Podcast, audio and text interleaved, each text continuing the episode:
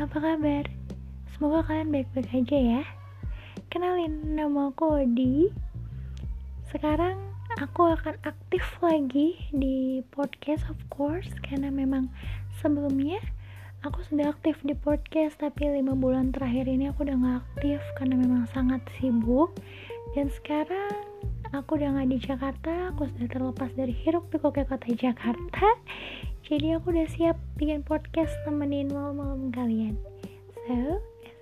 untuk ketemu kalian di next episode bye bye